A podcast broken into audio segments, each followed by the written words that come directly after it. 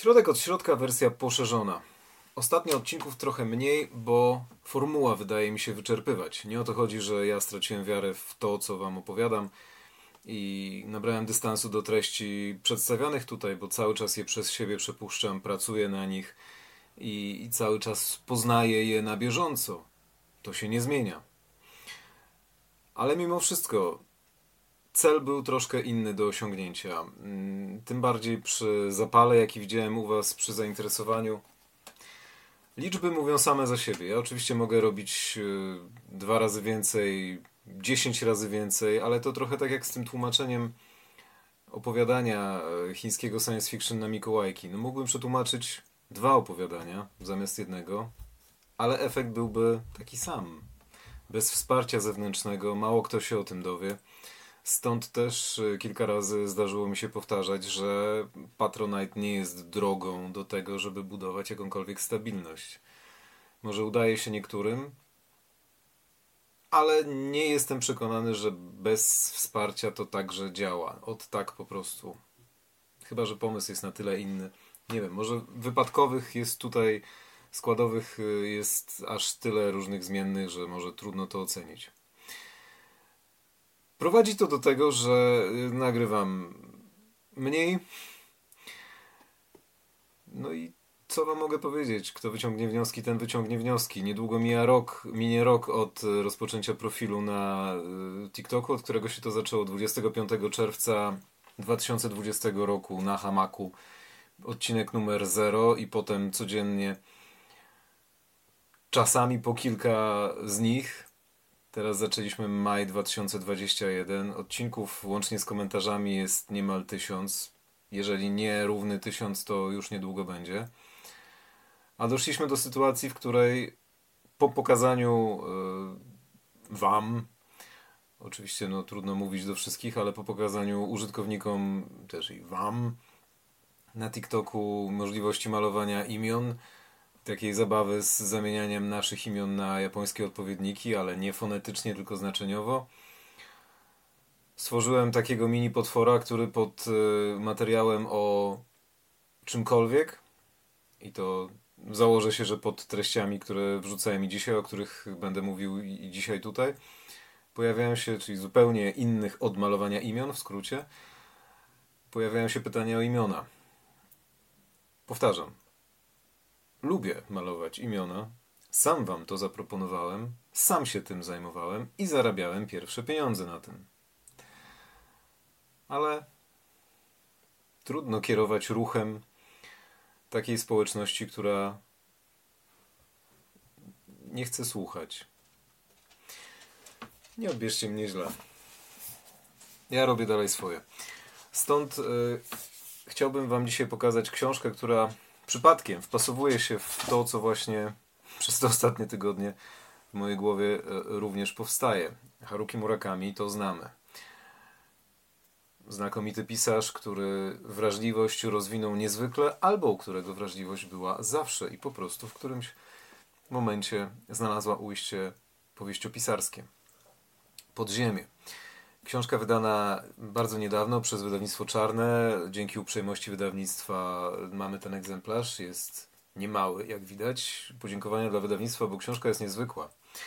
Większość rzeczy, które napisał Murakami jest niezwykłe, ale tym razem nie mamy do czynienia z fikcją. To jest niestety prawda i tak naprawdę najlepiej byłoby, gdyby tej książki w ogóle nie było, bo ona opowiada o wydarzeniach 20 marca 1995 roku, kiedy w kilku liniach, kilku wagonach tokijskiego metra członkowie sekty Aum Shinrikyo, czyli Najwyższa Prawda, podłożyli sarin. Worki z sarinem, gazem bojowym, paraliżującym, błyskawicznie potrafiącym zabić człowieka w niewielkich ilościach. Rozlano, przekłuto parasolami te worki.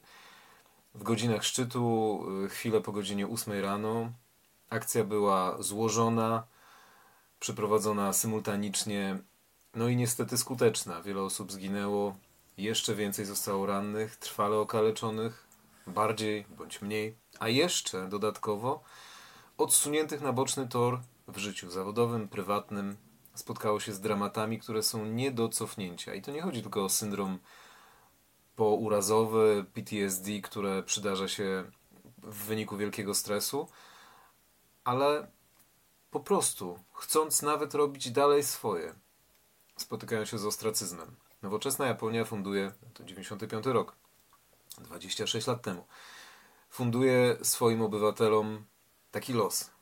Murakami jest znakomitym autorem, który e, zabrał się do spisania rozmów z osobami, które ucierpiały w wyniku zamachu. Nie próbował swoich sił w, w takiej dziedzinie, bo książka, którą napisał po trzęsieniu ziemi w Kobe, After the Quake, po wstrząsach, była zbiorem opowiadań, była zbiorem jego fikcji. A tym razem to jest rozmowa z prawdziwymi ludźmi, czasami tylko, którzy nie podają swoich prawdziwych imion, ale to zdarza się bardzo rzadko, żeby nie narazić się na e, szykany albo na szturm prasy. Dotyczy to sprawa, taka sprawa dotyczy rodzeństwa. Siostra jest e, w ciężkim stanie w momencie pisania tej książki, dwa lata po zamachu, i dziennikarze już chcieli szturmować szpital, w którym jest. Więc taką tożsamość trzeba było ukryć. W pozostałych przypadkach e, osoby posługują się imionami i nazwiskami prawdziwymi, opowiadają swoje historie. I teraz. Spotkałem się z opinią, e, czytając na temat tej książki w internecie, że to jest nudne.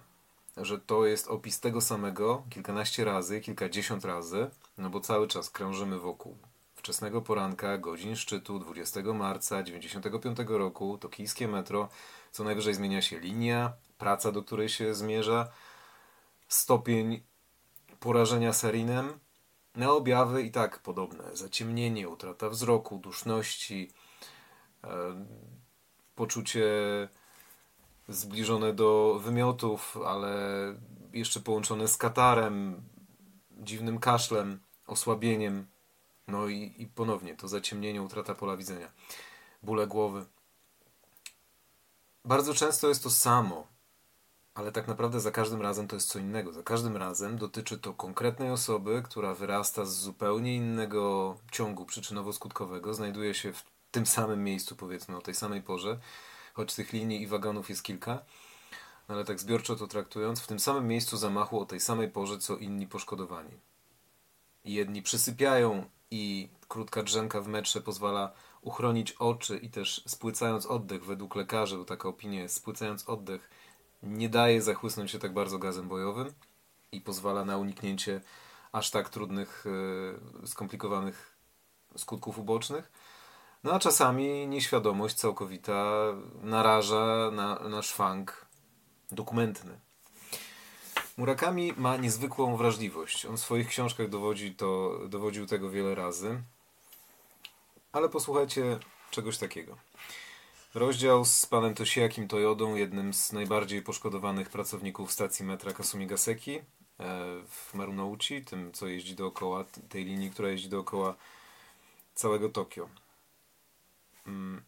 Rozmowa z panem Toyodą, pisze Murakami, to lekcja etyki zawodowej, a może raczej obywatelskiej. Jest dumny, że przepracował 34 lata na jednej posadzie. Stał się dzięki nim człowiekiem, na którym można polegać. Już na pierwszy rzut oka widać, że to wzór cnót obywatelskich. Mm, pisze Murakami również tak. Odkąd porozmawiałem z panem Toyodą, za każdym razem, kiedy jestem na stacji metra, uważnie przyglądam się personelowi. Jego praca jest bardzo ciężka. Każdy rozdział, z taki mini wywiad, rozpoczyna się od wprowadzenia Murakamiego, krótki rys danej osoby, kim jest, co robiła do tej pory, dlaczego znalazła się w tym miejscu, jaką ma osobowość, jakie wrażenia miał Murakami podczas rozmowy z nią. Czasem są to wrażenia bardziej dokładne, czasem ich w ogóle nie ma przypadku pana Toyody były takie, jak słyszeliście. I teraz e, następuje sama rozmowa. W większości to kwestie mówione przez e, danego bohatera. Bardzo rzadko pojawiają się pytania od Murakamiego, są wyróżnione. Rozmowa z panem Toyodą kończy się w następujący sposób. Staram się nie nienawidzić sekty Omu. Tutaj występuje nazwa Omu. My to znaliśmy jako Aum Shinrikyo. Rozliczenie się z nią pozostawiam władzom, mówi pan Toyoda. Udało mi się już wznieść ponad nienawiść. Zresztą, gdybym tych ludzi nienawidził, i tak by to nic nie dało. Nie śledzę doniesień z procesu sekciarzy, bo i po co? I bez patrzenia wiem, co jest czym. Przetrawianie okoliczności niczego nie rozwiąże. Nie jestem ciekaw wyroku ani kary. Niech o nich zadecyduje sędzia. I tutaj Murakami dopytuje. Jak pan rozumie słowa? I bez patrzenia wiem, co jest czym. Pan Toyoda odpowiada. Już wcześniej wiedziałem, że sytuacja w społeczeństwie dojrzała do tego, żeby nieuchronnie pojawiło się coś w rodzaju omu. Kiedy człowiek codziennie ma do czynienia z pasażerami, widzi jak jest. To kwestia moralności.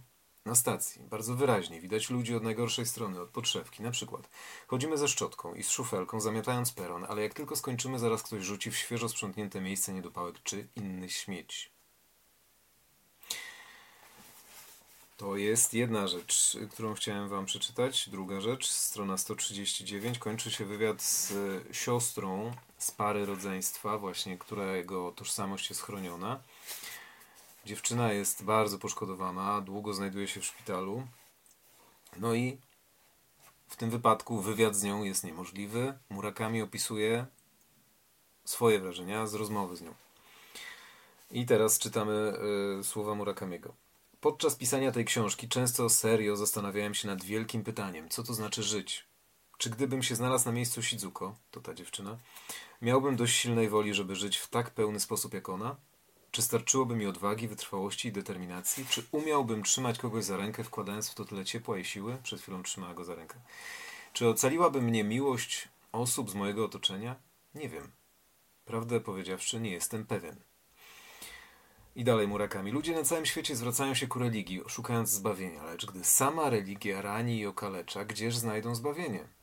Podczas rozmowy z Shizuko starałem się patrzeć jej w oczy, będąc tu i teraz. Co właściwie widziała? Co dodawało blasku jej oczom?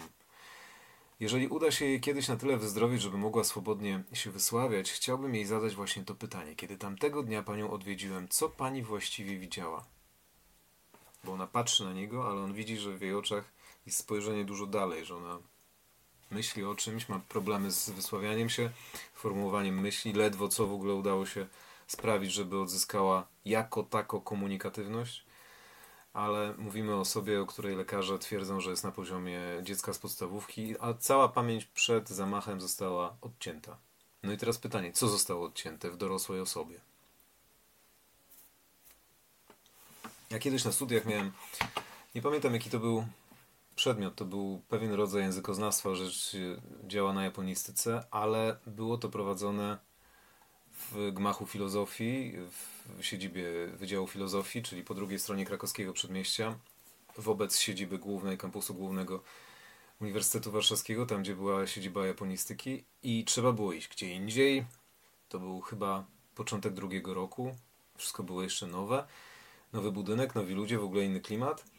No i też zupełnie inni wykładowcy. I tam pamiętam, to były bardzo ciekawe zajęcia. Musiałem sprawdzić, kto je prowadził, bo nie pamiętam. Ale spotkałem się po raz pierwszy z terminem afazja, czyli utrata pamięci, ale w połączeniu z różnego rodzaju płaszczyznami rozumienia rzeczywistości, czyli po wylewie, po udarze, po różnego rodzaju niedowładach, kiedy pozostawiam po sobie taki, taki e, wylew, taki udar niedowład fizyczny, ale także niedowład psychiczny w postaci niemożności wypowiadania się, zamieniania wyrazów, nazywania książki krzesłem. Trzymam w ręku krzesło, kojarzę co się dzieje, ale słowa już nie są tym samym, przestają być nośnikiem. No i właśnie do tego cała teoria lingwistyczna, czyli Levi-Strauss, de Saussure i różnego rodzaju takie wycieczki, które mi były zupełnie obce. Zastanawiałem się, po co mi to wiedzieć? Afazja, no oczywiście, może kiedyś na, na, na starość, w dowolnym wieku też, nie wiadomo kiedy, może mnie to dotknie, ale po co mi to? Człowiek bardzo wiele rzeczy nie wie na studiach. I teraz, co ciekawe, w tej książce ludzie są różni. Tak jak przekrój statystycznego wagonu metra tokijskiego w godzinach szczytu. Miliony ludzi w mieście. Tysiące ludzi na tej samej stacji. Setki w wagonach. Różni ludzie, różne powody, różne przyczyny ich ukształtowania takimi, jakimi są. Tak myślę sobie odnośnie tego y, prowadzenia kanału, bo chciałem dodać coś, jeżeli chodzi o rozumienie. Wiem, że kilku osobom się to podoba, ale coraz bardziej mam wrażenie, że mówię albo do 10 osób, 20, góra 30, tych samych oczywiście których bardzo miło zawsze witam. Każdego miło witam i zapraszam do oglądania tego, co tutaj powstaje, ale trochę przeszkadza to poczucie obojętności, które towarzyszy procesowi tworzenia.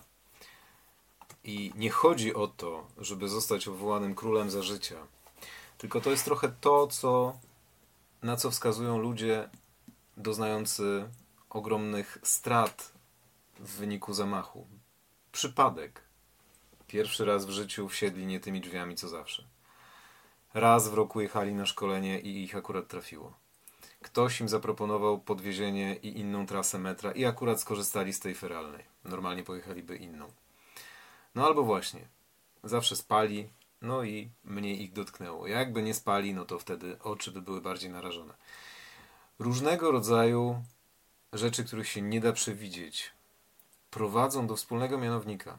W wielu przypadkach ludzkiej obojętności na to, co się stało. Japońska służba zdrowia, która nie wiedziała, co zrobić z tymi ofiarami zamachu. Brak reakcji wobec ludzi, którzy potrzebowali pomocy natychmiast. Czasami też obojętność na ulicy. Ale powiedzmy, jeżeli już przechodząc nawet nad tym do porządku dziennego, obojętność personelu medycznego w szpitalach. My teraz jesteśmy podczas pandemii.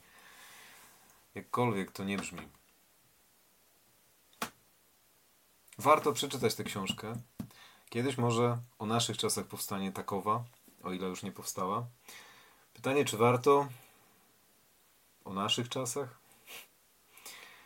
O tych na pewno, ale właśnie kimś takim jak człowiek o niezwykłej wrażliwości. Haruki Murakami w postaci reporterskiej wykonał znakomitą robotę. Polecam. Mógłbym dopisać do tego drugą warstwę. Czasem pokazanie tych samych rzeczy oczami innej osoby kreśli zupełnie inną sytuację. Nam pozostaje wyciągać wnioski. O tym jest na przykład film Minari, koreański, który dostał Oscara za rolę drugoplanową dla pani Junio Jong. Ale obejrzyjcie sami, zobaczcie czy warto. To warto na pewno. Co do Minari, to nie wiem nawet czy nagrywać na ten temat odcinek.